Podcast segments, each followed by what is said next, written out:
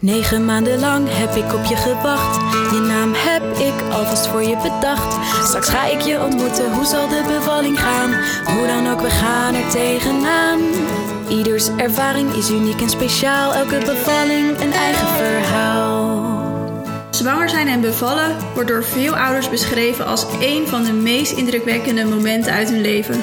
Als verloskundigen vinden we dat die verhalen een platform verdienen om anderen te inspireren en ervaringen te delen. Daarom hoor je vandaag het verhaal van Pauline Wingelaar. Ik ben getrouwd met Harme en ik heb twee zoons. Reinier van vijf jaar, Diederik van drie jaar.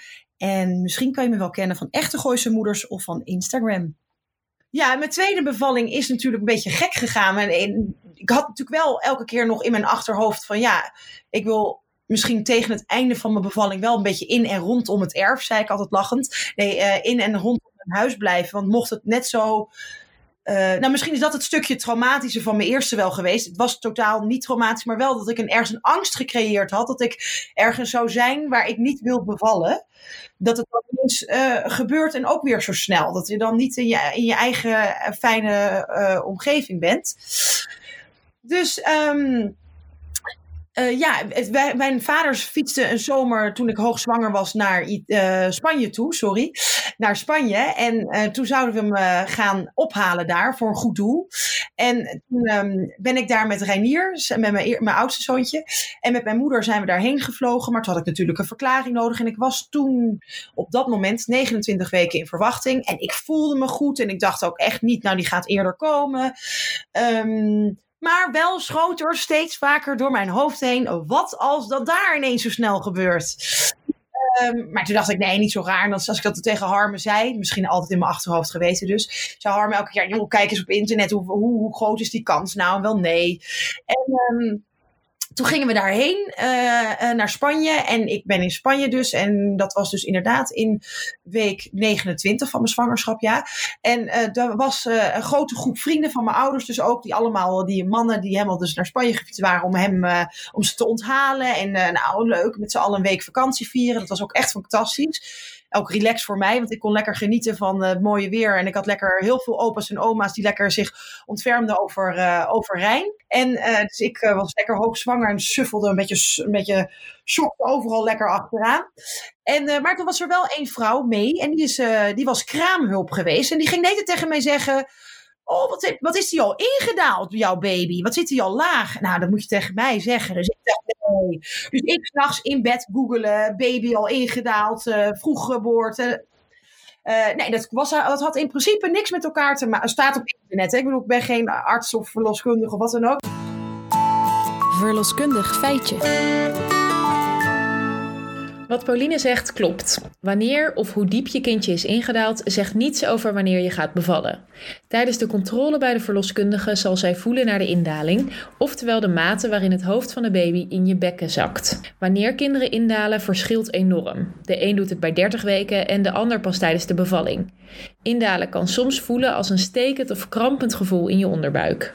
Nou, dus ik heb daar een week vakantie gevierd. Wel steeds een beetje onrustig gevoel gehad. Ik denk dus achteraf gezien dat je het ergens in je lijf hebt gevoeld. Ik. En toen kwam Harme ons, uh, want we waren heen gevlogen. En Harme kwam ons ophalen met de, met de auto. En uh, die had dus een hele nacht vanuit Nederland in één keer 15 uur lang doorgereden. Gek. Dus die kwam best wel vermoeid aan. Nou, toen hebben we twee of drie dagen nog in, in Spanje gezeten met mijn ouders. En toen reden we dus vanuit Spanje naar Italië toe. Hè? Want ik ben hoogzwanger. Dat doe je gewoon even. dat lijkt heel kort, maar dat is ook echt wel best wel een stuk weer. Um, en um, toen zijn we ook s'avonds vertrokken, omdat we dat makkelijk vonden met, uh, met Rijn. Dat hij lekker kon slapen. Dat we dan niet om de vijf seconden, mama. Of, uh, dus we gingen s'avonds rijden, s'nachts. Maar Harma had natuurlijk net die hele nacht erop zitten, een paar dagen geleden. Dus die zei vrij snel al, ik hoogzwanger, hè? Uh, althans hoogzwanger, inmiddels 30 weken. Uh, die zei al vrij, Nee, ik zeg het verkeerd. Dus het klopt helemaal niet wat ik helemaal zeg. Want ik ben bevallen met 33. Dus ja, ik heb een week. Dus ik zat er met 30 weken. Ik lig dus te liegen. Van 30 tot 31 weken zat ik alleen in, in, Ita in Spanje. Van 30 tot 31 weken alleen in Spanje met mijn ouders. En toen kwam Harme. En toen heb ik met Harme ook daar wel een week gezeten, toch wel. dus tot 32 weken. En die 32 naar 33 weken zat ik in Italië. En toen zei Harme al vrij snel, ook al jij rijden. En ik met 32 weken, ja hoor. Dus ik heb bijna het hele stuk in mijn eentje s'nachts gereden. Idioot ook. Dus we kwamen aan in Italië en toen waren zijn ouders daar, want de ouders van Harm hebben een huis in Italië. En ehm, nou, we waren lekker met z'n allen en ik was zo ongelooflijk moe die hele week. Dus om de vijf seconden als, Harme ging slapen, als Rijn ging slapen tussen de middag, ging ik ook slapen. Maar dan werd, werd hij wakker en dacht ik, oh nee, niet nu al. En dan zei ik tegen Harme, Harme, je kan niet de hele tijd Rijn bij je moeder droppen. Ga jij nou ook leuke dingen doen? Ik zei, ik kan het niet. Ik, ik, zei, ik zie schil van de moeheid. Ik was gewoon echt zo intens moe. En dan had ik soms ineens dat ik ook weer kokneigingen kreeg. Dat ik dacht, oh god, dat had ik toen ook. En uh, dat ik de hele tijd een soort van ja, uh, gevoel had of ik moest spugen, maar dat kwam dan niet echt. En dacht ik, oh god, oh god. Dat spookte er steeds vaker door mijn hoofd heen. En uh, toen ging ik inderdaad een vriendin deed het berichtje sturen van, ik heb de hele tijd een soort van krampen in mijn buik. heb jij dat ook? Nou nee, hou dat op gaten, is niet goed. En uh, nou, dus dacht ik, ja, ik moet me niet aanstellen. En dan ging ik het steeds vaker tegen Harme zeggen weer. Van, nou, ik, ik zit niet hier lekker. Ik, zit onru ik was onrustig. En toen zei Harme, Jos, zeur niet. Uh, de kans, Google maar eens hoe groot de kans is dat hij eerder komt. En dat kan helemaal niet. Nou, en ik wilde ook geen zeikert zijn of aansteller. Dat gaat natuurlijk ook door je hoofd heen. Want ja, misschien is er wel helemaal niks aan de hand. Dus ik wilde ook niet zo'n piepkont zijn. Dus ik hield ook heel veel mijn mond. En ik, ik hield me groter dan dat ik, denk ik, me al rot voelde al die tijd. En uh, nou, toen was er één ochtend dat de ouders van Harmen spullen gingen pakken. En die gingen terug naar Nederland. En dan zouden wij één nachtje alleen zijn met het gezin. En daar keek ik zo enorm naar uit. Want het was achteraf natuurlijk best wel heel veel. Een week met een hele grote groep feesten. Uh, omdat we, uh, niet dat ik ging feesten, maar ik bedoel heel veel drukte omdat mijn vader naar, naar Spanje was gefietst. Vervolgens met mijn schoonouders de hele week. Ook weer niet alleen met je gezin. En vervolgens kwamen vrienden van ons met de kinderen, met twee kinderen, ja wel, met twee kinderen, uh, met ons ook weer een week vakantie vieren in een huis. In dat huis van mijn schoonouders. Dus dan was ik ook weer niet lekker tot rust. Weet je, was ook weer druk, druk, druk om je heen. Dus ik keek enorm uit naar die ene nacht dat we met z'n met met drietjes waren nog. Dat was echt wel een beetje, nou ja, daar keek ik gewoon heel erg naar uit. Dus um, S ochtends staan we ze uit te zwaaien, mijn schoonouders. En die spreken natuurlijk vloeiend uh, Italiaans.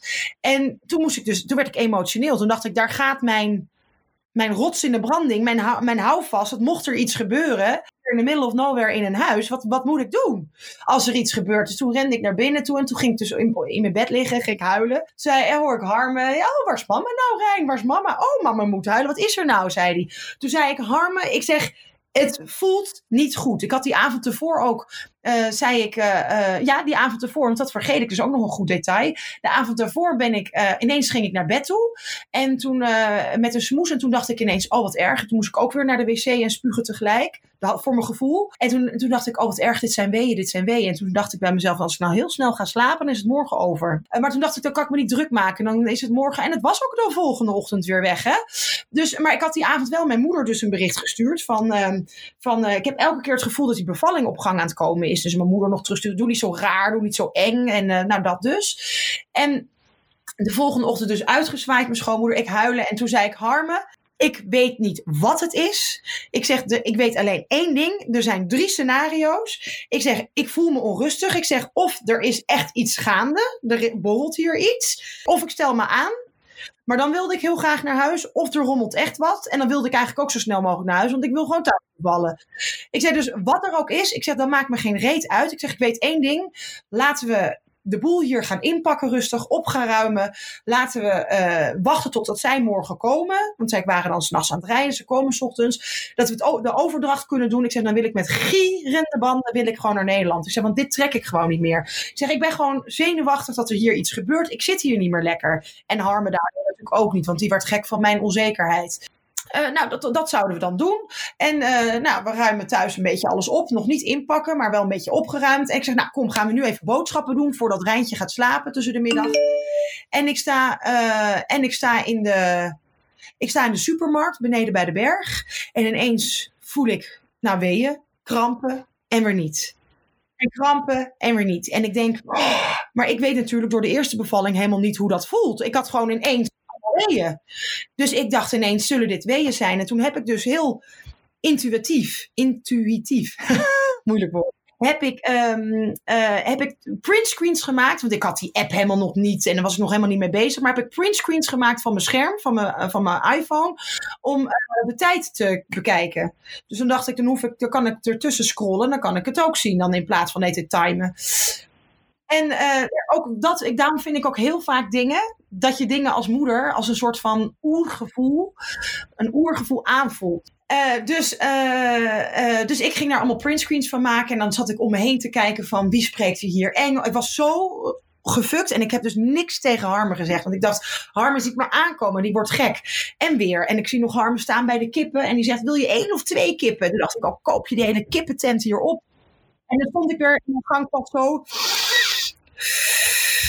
en dan, zei ik, en dan ging ik weer door. En dan, uh, en dan ging ik weer. En, dan, en toen ineens ging ik kijken. En toen dacht ik om de vijf minuten. En toen dacht ik, oh wat erg, dit zijn weeën. En toen heb ik dus niks tegen Harmen gezegd. Ja, vraag niet waarom. Toen zei ik, Harmen, we moeten heel snel nu af gaan rekenen. De spullen terugbrengen. En ik wil nu naar het ziekenhuis. Want ik vergeet één belangrijk detail. Onderaan de berg waar we wel bereik hadden. Want in de berg is in de middle of nowhere heb je bijna geen bereik. Alleen via wifi. En die avond was er onweer geweest. Alsof het een film is. Dus de wifi lag er inmiddels uit die volgende ochtend. Dus we hadden en geen wifi, geen, geen vaste telefoon. Uh, en dus geen bereik gewoon via je mobiel. Dus um, ik had beneden aan de berg toen we de boodschappen gingen doen de verloskundige gebeld. En die zei meteen, dit kan een blaasontsteking zijn als jij krampen voelt. Je hebt natuurlijk ook veel in het zwembad gelegen, veel uh, in de zee. Dus misschien heb jij wel een blaasontsteking. Dus jij moet nu een dokter gaan zoeken. En daar, want het kan ook een vroeggeboorte. Dat kan nu de bevalling Dus nou, dat hadden we gezegd. Dus daardoor had ik, was ik al in die zin wel een beetje gerust voordat ik de supermarkt inging. Dat ik dacht, nou, dat zal het wel zijn. Maar wel, we moeten zo meteen even een arts op gaan zoeken. Dus we lopen dus naar binnen. Dus ik heb die weeën. Dus ik zei, Harmen, we moeten afrekenen. We gaan die, we gaan die boodschappen heel snel terug naar boven brengen. En um, uh, dan gaan we het ziekenhuis opzoeken. Want ik voelde ineens, ik zeg, ik wil nu naar een dokter toe. Dan dacht ik, dan ben ik maar in die veilige handen. En toen werd ik wel steeds onrustiger dat ik dacht, ja, wat als het nou weer ineens allemaal sneller. Maar ook dat heb ik allemaal niet tegen Harmer gezet. Want ik dacht, Rijn is er ook bij. Een man gaat hysterisch doen. Ik moet de rust bewaren voor iedereen. Want we zijn in het buitenland. En ja, dat, dat, dat geen idee waarom, maar dat kwam in mij op. Harmen was de boodschappen aan het inladen. En ik zie een vrouw lopen. En in dat oord waar wij altijd zitten, in die, in die, in die, in die middle of nowhere, daar zie je allemaal echt van die, van, die, van die mensen die in die bergen wonen, van die echte boeren nog, die spreken allemaal geen woord Engels. Toen zag ik ineens een vrouw, die zag er best wel westers uit, qua kleding, modern. Nou, net of in een derde wereldland, maar je snapt wat ik bedoel daar spreken ze bijna geen Engels, maar ik zag aan haar, zij heeft een, waarschijnlijk gewoon een normale baan en spreekt wel Engels, dacht ik. Ze is wat jonger, dus ik loop naar haar toe. Ik zeg, doe je speak English? Nou, ik het helemaal uitleggen dat ik het gevoel had dat er een bevalling. Toen zei ze, ja, ik, ik, zeg, ja, ik zat al naar je te kijken, want ik ben net in, in verwachting. Toen dacht ik, nou, dit heeft zo moeten zijn. Zij was net twaalf weken. Ik zeg, hoe werkt het hier? Heb je een plaatselijke dokter? Nee, je moet meteen naar, een, naar het ziekenhuis daar, want daar hebben ze niet zoals jullie gynaecoloog, althans niet in het dorp waar ik dus toen was. En uh, toen zei ze, ja, uh, je moet uh, rustig zijn, want als je 112 belt, komen ze ook op de berg waar je zit. En toen dacht ik, ja, ik heb geen bereik daar, hoe dan? En, nou, dus dat was namelijk, wij hebben het huis zit echt, dan moet je door een riviertje heen, zelfs met je auto, een soort bergpad, heel stijl omhoog. En nou, dus, dus, ik dacht, oh, straks komt er geen ambulance. Nou, ik maakte me helemaal zorgen. Dus toen zei ze, je kan gewoon 112 bellen, dan komt hij ook. Want ze zijn het hier gewend, dit soort huizen. Ze komen je overal halen. En dan, uh, je moet alleen wel zorgen dat je naar het ziekenhuis in Luca, en daar spreken ze ook allemaal Engels. Het is een nieuw, modern ziekenhuis. Nou, weet achteraf dat ze er helemaal geen Engels spreken. Maar goed, uh, dat werd mij toegezet. Dus toen raakte ik al redelijk, oké, gerustgesteld. En uh, nou, we zitten in de auto en ik zei tegen Harmen, ja, we gaan de spullen nu uitladen. En uh, degene, dus ik noem het maar even, de, de, huis, de conciërge van het huis van de ouders van Harmen, die het altijd het verhuur ook altijd regelen normaal.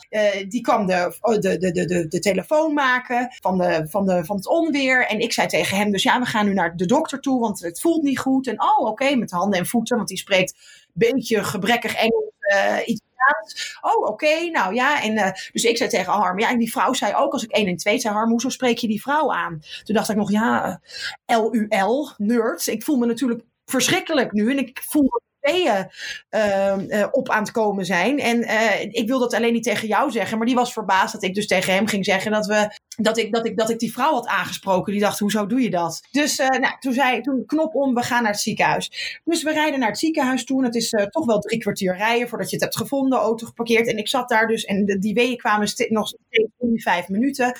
Maar ik zat in de auto naast Harm en ik zat alleen maar zo.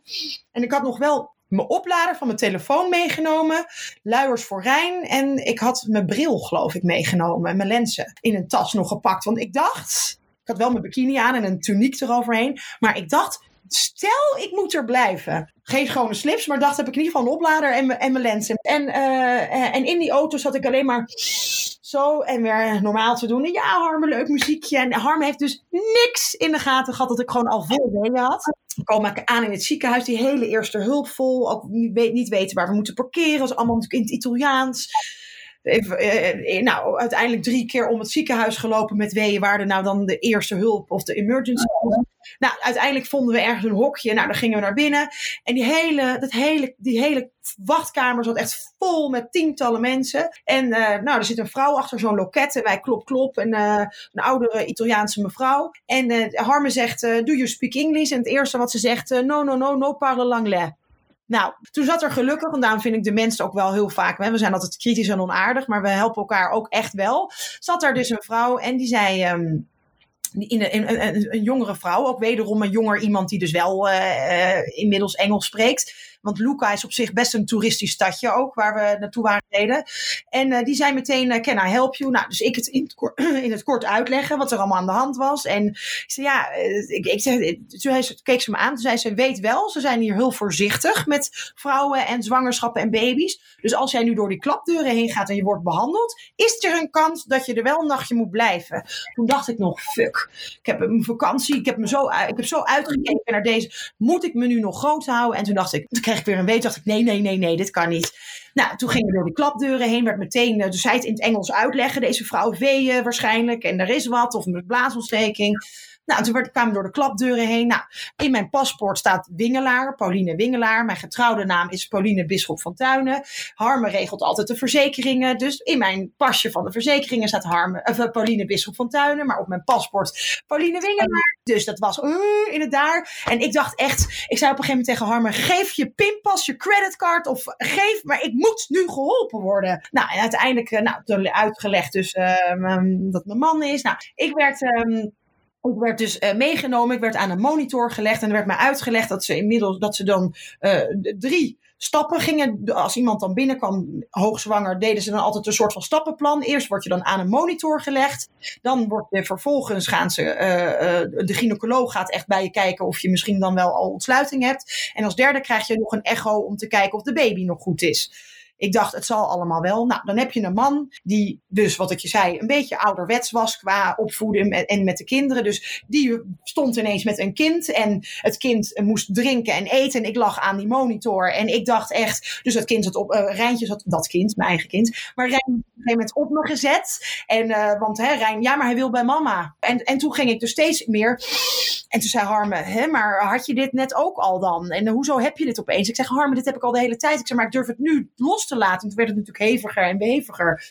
En ik zeg, ik heb gewoon weeën. Ik zeg, ik weet het gewoon zeker, dit zijn weeën. En nou, nog wel lachen. Toen lag ik inmiddels daar. Toen dacht ik, ik ben veilig. Ze gaan het zo direct allemaal bekijken. toen kon ik wel wat meer ontspannen alweer. En toen heeft Harme zelfs nog een foto gemaakt. En inmiddels gestuurd naar zijn vriend. Uh, toen, overigens was er ook geen weeënactiviteit. Nou, ik had echt, echt weeën. Ik had, en tot op de dag van vandaag vind ik dat zo, dat ik denk, oh, oh.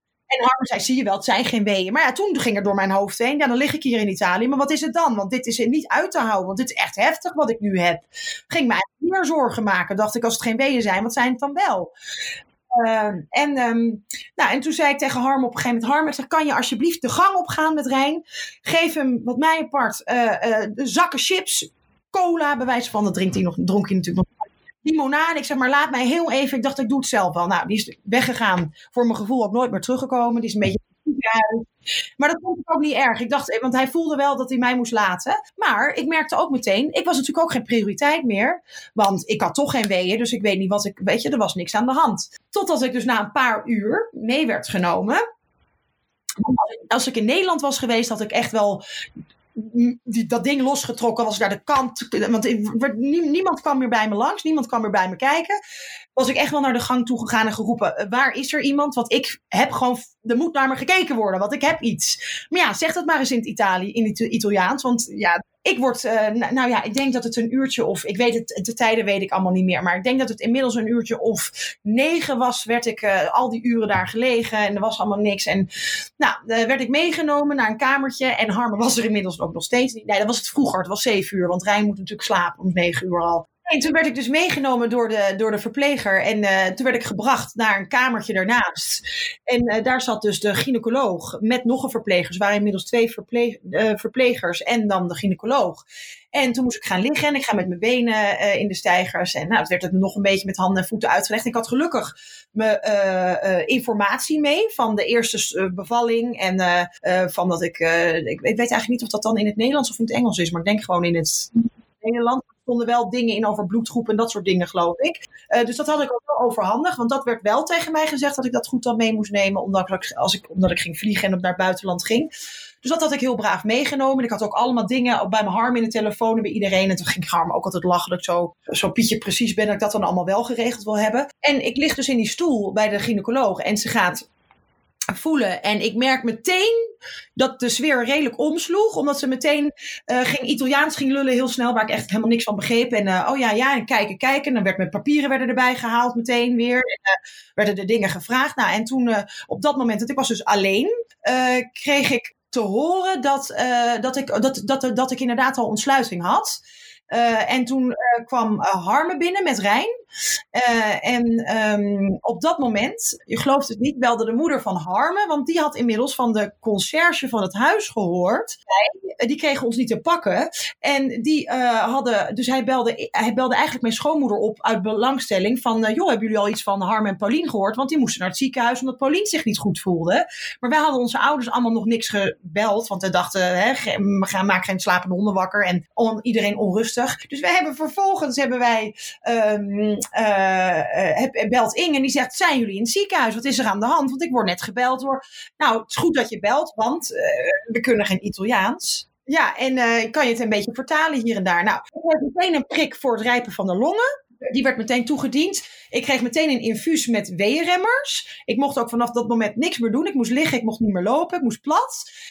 Um, en er werd ons uitgelegd uh, dat, we, dat, ik dus naar, dat ik hier moest blijven natuurlijk in het ziekenhuis. En dat ze gingen kijken van uh, hoe, ik dan, uh, hoe dat de nacht zou gaan dan met die weerremmers. En hoe dat dan zou gaan verlopen. En dan zouden ze de volgende, dan, dan zouden we gaan bekijken hoe of wat. Of ik misschien ja, misschien wel met een ziekenhuisauto met WRM'ers naar Nederland. Weet je, het was van alles. Maar ze, ze, zeiden in ieder geval dat ik er rekening mee moest houden dat ik. Uh, Nee, dat, ik, ik lieg dit trouwens. Het was wat Harmen en ik hadden bedacht dat ik zei: ik wil naar het ziekenhuis. Dan moet er maar een auto komen dat ik met weeën heb. Ik dacht: ik wil niet hier bevallen. Zij zei dat ik er rekening mee moest houden dat ik nog weken in het ziekenhuis kon liggen daar. Dat het een, dat het een optie was. Dat, dat, dat, dat, het, dat ik er rekening gewoon mee moest houden. Dat ik misschien niet een dag, misschien wel een week. Want de baby moest zo lang mogelijk bij, in mij blijven, bij mij blijven dat, het, uh, dat, dat, dat ik misschien wel daar voor weken plat moest in dat ziekenhuis. En ik dacht, nee. Dus ik meteen tegen Harmen, nou, we gaan het Nederlands bellen. En we misschien kunnen met, met, met, met, met weerremmers uh, naar Nederland toe. Dus uh, ja, toen lag ik wel heel eventjes daar. Toen dacht ik, dit is een foute film. Dit, is, dit kan niet. En... Um, toen is Harme eh, inmiddels, uh, nou oké, dan word je al, alles toegediend gedaan. Werd ik naar een kamer gebracht waar ik ging slapen. Uh, met een vrouw naast me, die zat al heel erg ver in de bevalling en al hoog in de weeën. Dat was echt al, ah, ah, helemaal zo, weet je wel. Dat je dacht, oh, lig ik met haar op één kamer. Harme ging alleen op een kamer kon liggen. Dat ik ook even met mijn moeder kon feesten. Weet je even, nou, ik heb op dat moment toch wel inderdaad mijn moeder gebeld. En mijn vader stond in de kroeg in Laren. En uh, mijn vader bellen van je moet nu komen. Want Pauline is naar het ziekenhuis. En ze aan bevallen misschien al wel. En uh, nou, helemaal in paniek. Dus mijn vader terug naar uh, mijn moeder toe naar huis gekomen. En... Um, nou ja, en toen werd ik daar dus neergelegd in dat bed. En toen zei ik tegen Harme, Harme, ik lig nu aan de weeënremmers. Dat gaat zo direct aanslaan. Uh, misschien ook weer wederom dat soort van, uh, hoe noem je dat, als een leeuwin, dat je vecht voor je welpjes of zo. Maar ik zei, je maakt mij blij als je nu gewoon Rijn mee naar huis neemt. En uh, dat je zorgt dat hij te eten krijgt nog, eventueel wat te drinken. Dat je hem schone luier geeft. Lekker in bed legt, dat hij gewoon een goede nacht maakt. En morgenochtend vroeg, kom maar naar mij toe. En dan gaan we wel bekijken en bellen naar Nederland. Of vragen aan de artsen wat kan en wat mag. En dan hadden we nog één, één allermooiste uh, fijnste uh, uh, hulpmiddel, een SOS-noodlijn. dat goede vrienden van de ouders van Harmen woonden ook in de, bij die berg in de buurt, maar die wonen daar altijd. Uh, en die hebben we gebeld om dan te vragen van, uh, ja, zouden jullie misschien uh, Harmen even willen helpen met een tasje naar het ziekenhuis te brengen. Want Harmen moet haar kind nu in bed leggen. Is weer drie kwartier terugrijden. Drie kwartier met een kind. Van, want Rijn was twee. Dus die hebben te pakken kunnen krijgen. Het was niet ik, maar mijn schoonmoeder en Harmen hebben die te pakken kunnen krijgen. Mijn schoonouders zaten inmiddels in Zwitserland. Die reden terug. Die zijn omgekeerd. Die zijn teruggekomen naar Italië, maar wel pas de volgende ochtend. Want ik zei ook, ik lig nu in het ziekenhuis. Weeënremmers, allemaal niet erg, allemaal goed. Dus um, Harme is teruggereden naar het huis met Rijn. Die heeft een tas klaargemaakt met kanten ondergoed voor mij. En mijn laptop van 10 kilo. Allemaal dingen waar je aan een bevalling... Daar, maar goed, dat is een man. Uh, maar ik wel met tandenborstel. Uh, dit heeft hij allemaal heel lief in een tas gedaan. Toen heeft Katinka, dus die vriendin, is die tas komen halen. Is met haar man naar het ziekenhuis gereden. En het was inmiddels toen, ik denk dat zij binnenkwam rond 11 uur. En ik had gewoon continu, zat ik mijn weeën weg te puffen. Ondanks dus die weeënremmers wist ik veel dat als je een weeënremmer krijgt, dat je in principe dan, werkt dat zo? Dat als je weeënremmers krijgt, dat je dan ook meteen de weeën stoppen? Verloskundig feitje. Als een bevalling voor de 34 weken begint, worden er vaak weeënremmers gestart. Weeënremmers hebben een ontspannend effect op het spierweefsel van de baarmoeder. Soms lukt het om hiermee de bevalling te stoppen of een aantal uren uit te stellen, zodat bijvoorbeeld de medicijnen voor de longrijping kunnen inwerken. Soms slaan de weeënremmers niet aan en zetten bevalling door, zoals bij Pauline. Nou goed, bij mij kwamen ze dus vol doorheen, maar ik dacht, ja, het, remt kennelijk. Maar ik lag dus in dat bed. En ik dacht wederom, ik moet gewoon gaan slapen. Zometeen als Katinka is geweest met mijn spulletjes, dan moet ik slapen het morgen, morgen anders. Maar die vrouw naast mij zat natuurlijk al echt helemaal, en ze zijn in Italië veel uitbundiger, om heel ook naar om acht uur dan alle mannen moeten dan weg. En pas echt aan het einde van je bevalling bent, mogen de mannen er weer bij. Maar daar, daar stonden allemaal vrouwen in die gangen. Aan, uh, aan, zo'n, aan die gangen zat zo'n, ja, net zo'n zo'n zo'n soort bar, zo'n zo'n zo'n zo'n leun. En daar stonden ze allemaal, want wat dat betreft is het een land voor mij, zegt Harma altijd. Ze stonden maar met elkaar. En, en dan stonden ze allemaal, oh, oh, en dan gingen ze weer bukken en dan gingen ze weer met elkaar. En dan nou, ik was, ik denk, wat best heel uitbundig. Het zijn veel meer volgens mij een beetje in, in je, weet je, je doet het. En, maar heel gillen en schreeuwen. En beetje, maar die vrouw naast mij dus ook. En die zat dus, daar was de man dus wel bij. Want was hij ook weg? Nou, dat weet ik niet meer. Maar in ieder geval, die was al echt, ah, zo. En, en toen merkte ik dat ik eigenlijk een beetje hetzelfde ritme nog steeds had als zij. En ook hetzelfde het soort van aan het wegpuffen was, die weeën. Ik volgens mij Weet je, bij haar komen er continu artsen kijken, maar bij mij, of verplegingen, bij mij niet. Ik heb hetzelfde als wat zij heeft. Maar goed, ik dacht, het zal allemaal wel. Ook omdat ik gewoon een beetje vermoeid was en ik dan Italiaans niet, ze begrepen me allemaal niet en het was allemaal vermoeid. Ik lig daar dus en uh, hoor ik ineens, het was 11 uur, hoor ik ineens op zijn Italiaans, maar ik hoorde aan de stem uh, zo heel erg. Dat het Katinka was. Ik dacht, oh gelukkig, weet je, een vrouw. Een soort die is ook, heeft ook een bevalling ooit meegemaakt. En die weet wat ik nu mee door moet maken. En uh, nou, die kreeg een beetje ruzie, want ze mocht natuurlijk eigenlijk er niet heen. Want ze mocht geen bezoek. Maar toen werd het die Hollandaise, hoorde ik. En nou, toen werd ze dus naar me toe gebracht. En toen komt ze naast me zitten. Toen zei en toen zei ze, oh maar kind, oh maar kind, jij hebt gewoon mee. Je hebt gewoon mee. Ik ga arts. Ik ga nu een arts halen. En het erge was, zij was, uh, zelf had ze een hoofddoekje op. En, uh, want ze was uh, kaal op dat moment. Want ze zat dus zelf ook dag en nacht in datzelfde ziekenhuis. Omdat ze dus borstkanker had. en dus in de chemo zat. Dus ze komt daar al dag en nacht. En dan moest ze dus voor mij daar weer zitten. Dus dat vond ik wel erg lullig. Maar aan de andere kant, ze zei achteraf gezien zei ze, ja, ik krijg nooit kleinkinderen, denk ik. Want mijn dochter die is er nog lang niet mee bezig. En die hoeft het ook volgens mij niet. En haar zoon ook, idem dito.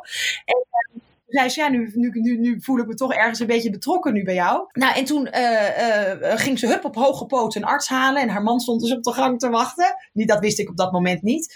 En dus ik zei tegen haar, ja, kijk maar. Want ik was ook elke keer nog printscreens er heel veel van aan het maken. Ik zeg, kijk, ik heb continu om de vijf minuten. Maar ja, ze zeggen hier dat ik het niet heb. Toen zei ze, nou kind, je hebt gewoon wee. Dus heb die arts gehaald en ik moest meelopen. En uh, ik moest liggen. En toen zei ik, ja, wil je dan alsjeblieft wel mee? Ik zei, want ik word gek van het halfbakken Italiaans en Engels en, en Nederlands en voeten.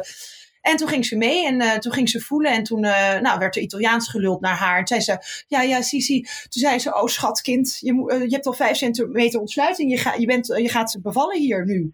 En toen dacht ik, toen lag ik eventjes in dat, want ik dacht, voordat ik nog aan die weerremmers dacht, oh, dat komt allemaal wel goed. Ik kan er zo direct ook wederom weer, net zoals even naartoe werken, dat ik hier het kan verwerken. Misschien heeft, kan mijn moeder in die tussentijd wel naar Italië komen om, Rijn te om voor Rijn te zorgen. Dat was natuurlijk ook een, zat ook in mijn hoofd dat ik dacht, oh, Harme weet echt helemaal niks. En ik lag in dat ziekenhuis en dacht ik, oké, en er schoot door mijn hoofd heen, ik heb geen maxicosi, ik heb geen, ik heb, ik heb geen kolf, ik, heb, ik, heb, ik had nul, ik had nul. Waar vrouwen in Nederland een vluchtkoffer willen hebben en uh, een uitzetje hier hebben voor de baby. Met een, ik had helemaal niks, nakkes, nada mee.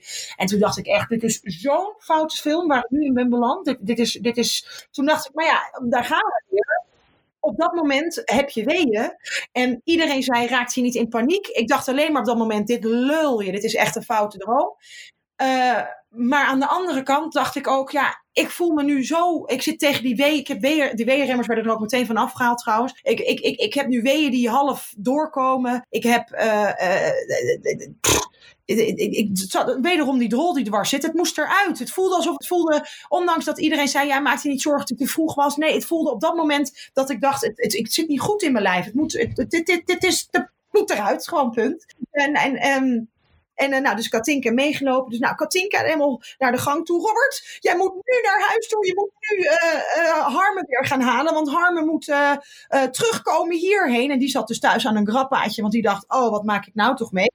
Dus je moet met gierende banden terug harmen en, en op, daar blijven. Want jij moet op Rijn passen. Als dat kind wakker geworden was. Die had natuurlijk ook een trauma voor zijn hele leven. Ineens een man die hij niet kent. En, en Robert Jan heeft zelf geen kinderen. Dus hij heeft kinderen, hij niet. Dus, uh, die moest dus met gierende banden dus naar, naar, terug naar dat huis. Dus nou, drie, dat is natuurlijk ook weer een half uur, drie kwartier. Harmen in die tussentijd afgelost. En die natuurlijk geen bereik wat ik je zeg. Dus klop, klop, klop daarboven. Eh, het is dit. Je moet nu naar het ziekenhuis, is al aan het bevallen. Dus nou, weer drie kwartier hij naar ons toe. En op dat moment werd ik met, uh, uh, naar de verloskamer gebracht. En ik zei alleen maar tegen Katinka, wil je alsjeblieft hier bij me blijven? Want ik word gek. Ik, ik vind de bevallen, dat gaan we wel doen. Maar ik vind het gewoon heel spannend dat ik dit nu gewoon in het, met, met Engels, met Italiaans en zelfs Engels hoor. Ik bedoel, je wil gewoon het liefst in je moedertaal, vind ik, praten.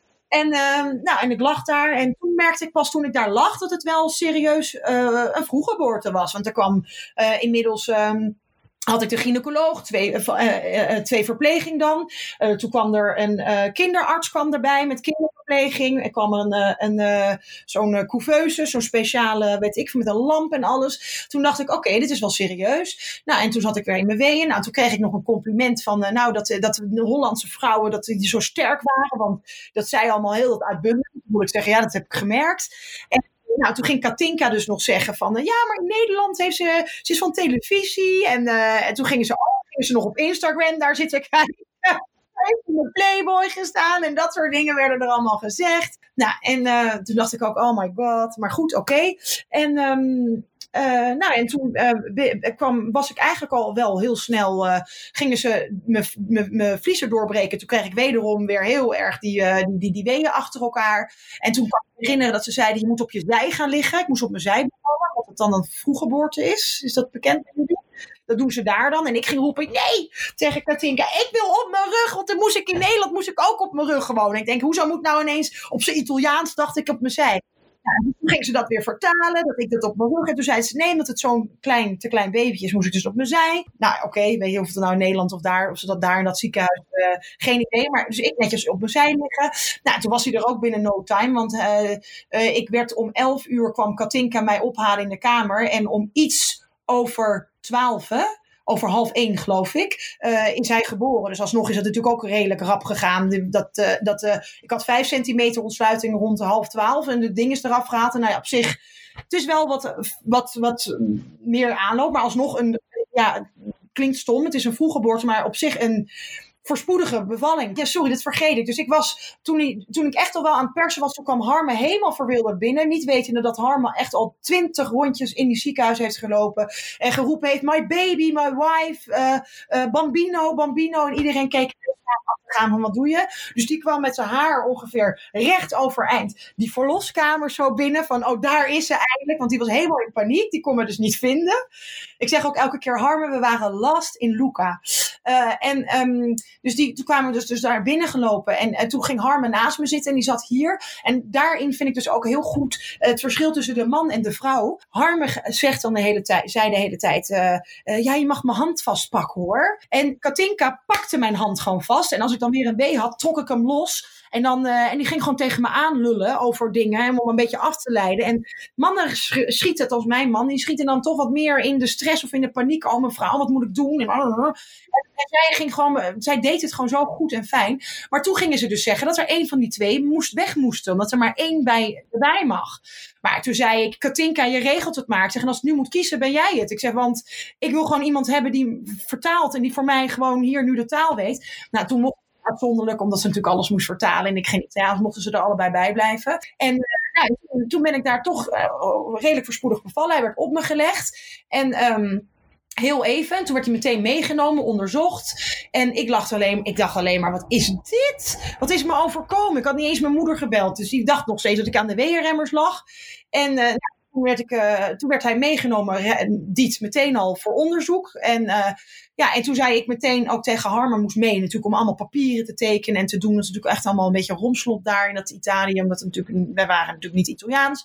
Nou, en uh, daar deden ze heel erg, wat ik heel fijn vond, dat kan ik echt nog heel goed herinneren, na de uh, bevalling van de, hoe noem je dat, na de, de, de, de, de moederkoek. Uh, deden ijs, nou voor mijn gevoel ijskoud, want je, nou, jullie zeggen altijd onderkantje, toch?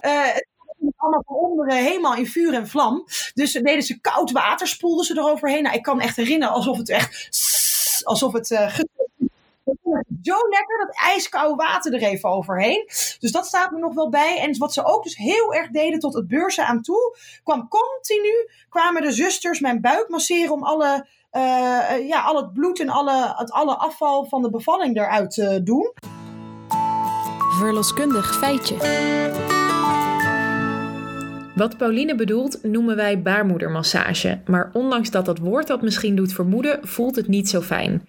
We doen dat als je wat ruimer bloed verliest, om te zorgen dat je baarmoeder goed samenknijpt en het bloedverlies minder wordt. Ook zorgt het ervoor dat al het bloed wat in je baarmoeder zit naar buiten komt, waardoor we goed overzicht hebben hoeveel bloedverlies er daadwerkelijk is. En um, maar goed, ik lag dus toen op dat moment net niet meer. Want ik lag toen ik in het ziekenhuis lag. Nog in mijn bikini met mijn tuniek. Maar uh, Katinka had natuurlijk spullen meegenomen in mijn pyjama. Dus ik lag gelukkig wel in een groot t-shirt van Harmer. Want ik zei, geef maar grote t-shirts van jou mee. Ik denk, anders krijg ik straks nog zomerjurkjes in die tas zitten. Ik had inmiddels dus geen onderbroek trouwens. Maar ik had een groot t-shirt van hem aan. En, um, dus, en ik, uh, toen opeens zei Harmer had dingen getekend. En ik zat zo gek genoeg. Um, ik dacht, hij wordt nu onderzocht. Ik zat helemaal een soort van in mijn eigen wereld. En ik had toch een beetje kortsluiting van dat ik ineens smiddags dacht. Oh, en ik heb me al die tijd groot gehouden. Ik dacht, ik wil het gewoon even heel raar alleen doen. En mijn andere kind ligt nu bij een, met een ander iemand in een huis drie kwartiertje verderop. Uh, ik zei tegen Harmen, weet je, het is getekend, het is allemaal gedaan. Ga alsjeblieft nu naar dat huis. En ga, uh, uh, ga, ga zorgen dat je slaapt, dat je Rijn weer, kom morgenochtend hierheen vroeg. En, en Katinka moest natuurlijk ook naar huis gebracht worden, want die had geen auto. Dus die moest Harmen ook brengen. Uh, nou ja, en toen lag ik daar, heb ik even iedereen kunnen bellen van, nou, ik ben bevallen en uh, dit meen je niet. Nou, oké, huilen, oh, echt waar? En toen zei ik, ja, ja, ja. En ook een beetje vermoeid. En uh, ja, en toen Katinka had dus gezegd, toen ze weggingen, zei Katinka nog, de artsen zijn hem aan het onderzoeken, maar zoals het er nu uitziet, hij helder gaat het hartstikke goed met hem. Hij gaat in een couveuse, dan wordt hij naar de medium care afdeling gebracht. En... Um, dan mag je, komen ze je straks halen en dan mag je naar hem toe. Nou, toen werd ik teruggereden naar de kamer, waar die vrouw nog steeds in de benen zat. Toen dacht ik, nou ja, toen dacht ik, oh, wat lekker, dat heb ik nu achter de rug. Nou, dat was ook een kind. Die kwam ik vervolgens een paar dagen later in Luca tegen. Dat was echt een reus. Niet normaal. Echt, toen dacht ik, ja, En die kwam ook helemaal bebloed een paar uur later. Toen ik al lang en echt pas oh, zes uur s ochtends of zo kwam die pas terug. Toen dacht ik, zo kan het ook. Dat is wel een vroeggeboorte, maar wat heb ik, dat is toch me allemaal wel bespaard gebleven. Die, die hel, die hel, die ellende. Um, nou ja, goed, uh, toen, uh, toen lag ik daar en toen was het wel eventjes, uh, er zou me drinken en eten, maar al die zusters, heb ik het idee tot op de dag van vandaag, vonden mij natuurlijk ook een beetje eng. Want ik sprak geen Italiaans, zij spraken geen Engels. Dat was natuurlijk heel moeilijk communiceren. Dus dan kwamen ze binnen voor die ander en zei, en dan kwamen ze even iets controleren of iets vervangen van, me, van dat bloed. En dan zei ik, my baby, my bambino, En dan zeiden ze, zie, zie.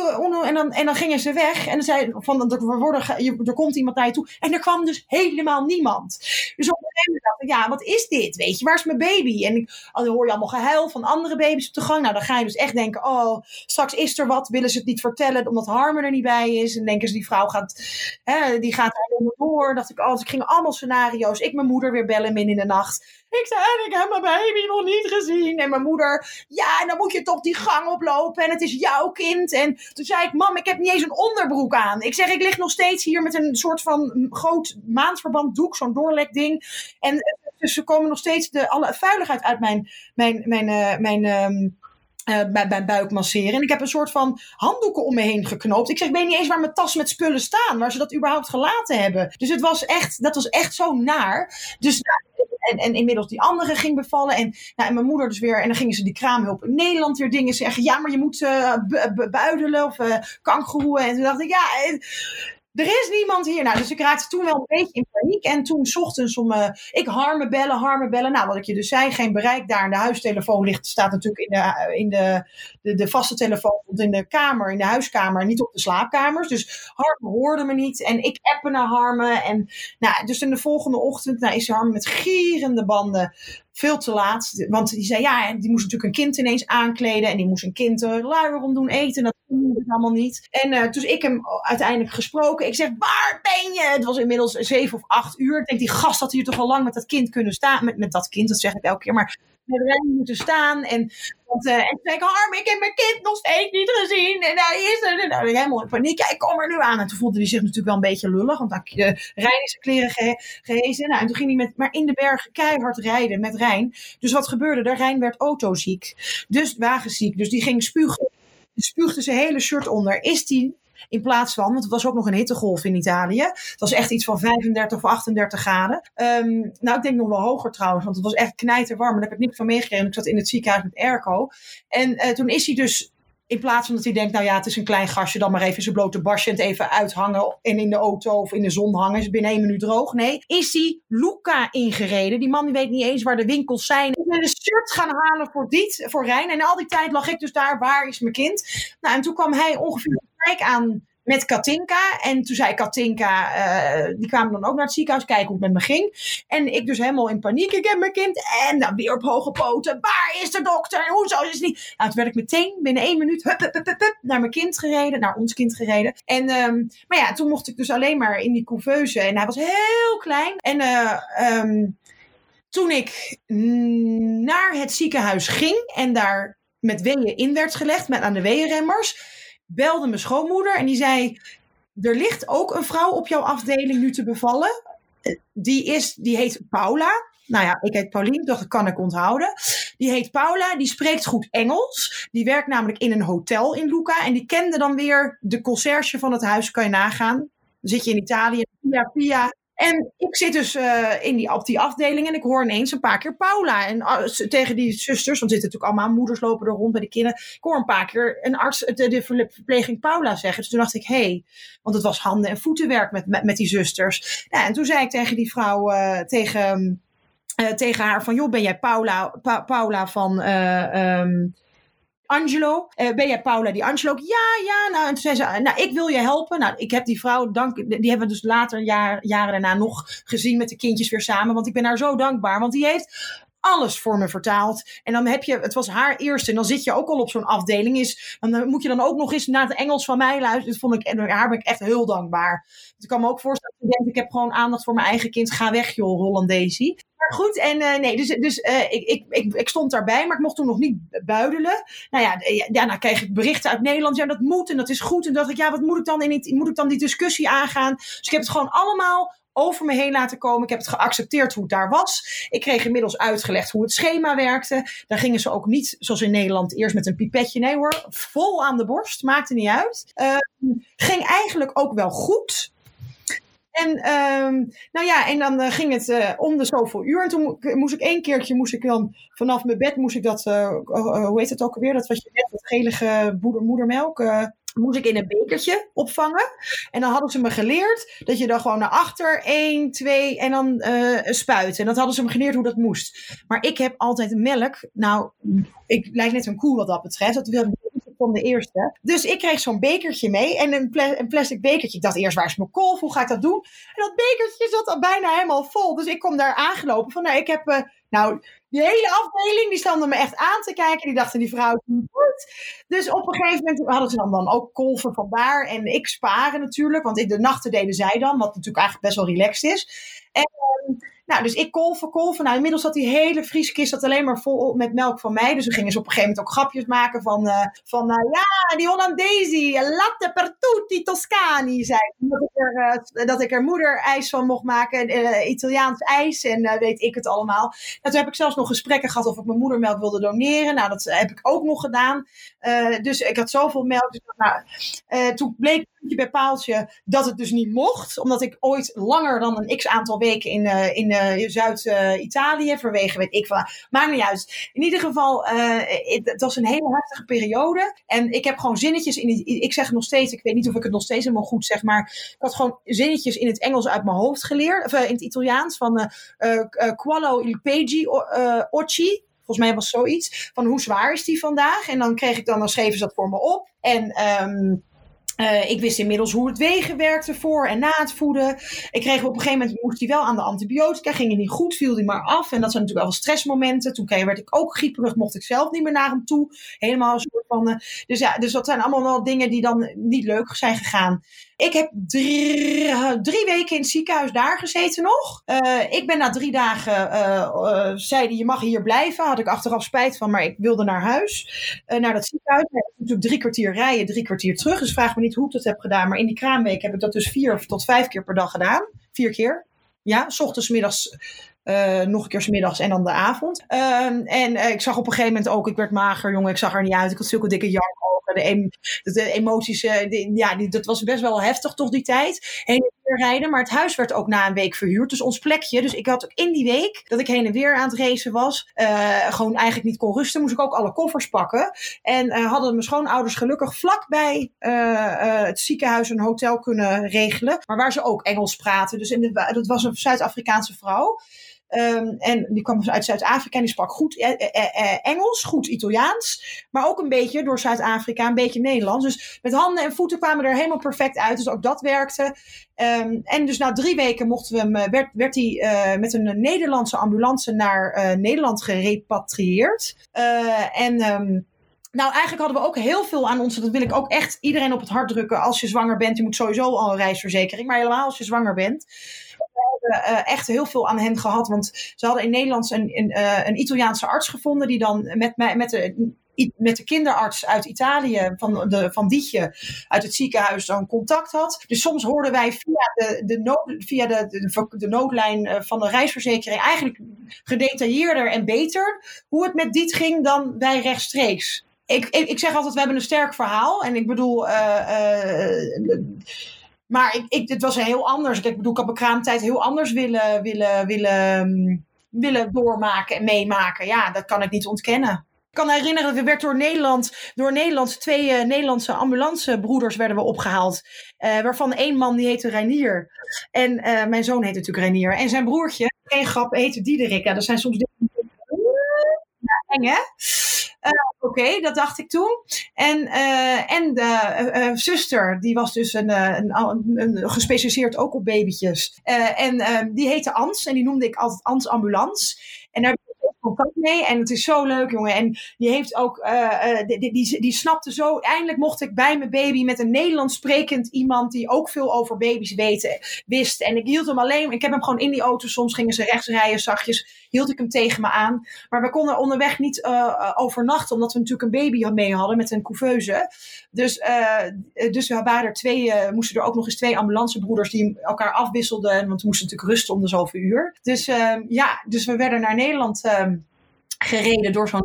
En dat was echt, iedereen zei, al oh, was dat niet heftig. Ik wil nog één ding zeggen, waar je dus, wat je dus ook vergeet uh, als je in Italië bent. Want Harm had natuurlijk al best wel lang vakantie gehad. Dus hij moest natuurlijk al aan het werk. Dus Harm is op een gegeven moment na twee weken heeft hij mijn moeder. En dat was ook maar beter ook, want we gingen bijna uit elkaar ongeveer. Want doordat we qua emoties niet altijd helemaal. Want hij zei dat ik moest rusten. Toen dacht ik, wanneer moet ik rusten dan? Want ik moet alleen maar naar het ziekenhuis heen en weer. En dan kwam ik thuis s'avonds en dan zei hij, stond hij klaar met Rijn. En zei hij, nou kom maar gaan we eten. Toen dacht ik, oh ik ben zo moe. Had gewoon even een pizza gehaald op de, op de, op die we gewoon even hier konden opeten of een pasta snel. Nee, dan ging die nog, dan moest ik dus, heb, geen grap, ben ik gewoon in mijn kraamweek, ben ik gewoon gaan slenteren met zo'n grote hangmat in, omdat je natuurlijk heel veel bloed verloor door Luca heen. En dan zei hij, waar gaan we eten vanavond? En dan zei ik, oh, ik zeg, maak me niet uit. Ik zeg, pak het eerste terrasje. Ik zeg, ik heb zo'n pijn aan mijn, aan mijn, aan mijn doos.